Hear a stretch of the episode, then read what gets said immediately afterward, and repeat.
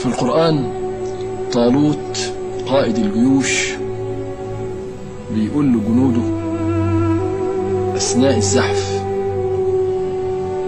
إن الله مبتليكم بنهر فمن شرب منه فليس مني ومن لم يطعمه فإنه مني إلا من اغترف غرفة بيده فشربوا منه إلا قليلا منهم ربط الانتصار في المعركة بالانتصار على النفس. من شرب منه فليس مني. رغم العطش ما تشربوش. إذا اشتد بيكوا العطش قوي حسب الواحد غرفة كده يغرفها من النهر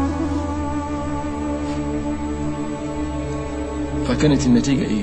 فشربوا منه إلا قليلا منهم. وهؤلاء هم القليل في كل عصر. شعارهم نقاوم ما نحب ونتحمل ما نكره. نقاوم ما نحب ونتحمل ما نكره. الكلمتين دول هم كل الدنيا. الدنيا كلها في الكلمتين دول. نقاوم ما نحب ونتحمل ما نكره. الدنيا هي النهر اللي بيجري تحت رجلينا.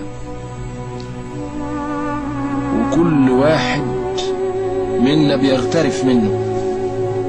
واحد بياخد على قد كفافه وواحد بيشيل ويحمل فشربوا منه إلا قليلا منهم هؤلاء القليل هم اللي ربنا خلق الدنيا عشان يفرزهم.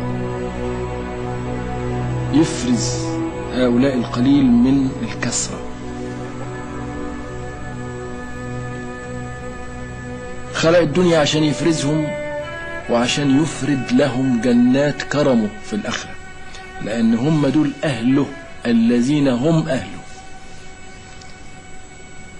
أما الباقي فهم حطب الشهوات في الدنيا وحطب النار في الآخرة. وربنا يجعلنا ممن يقاوم ما يحب ويتحمل ما يكره.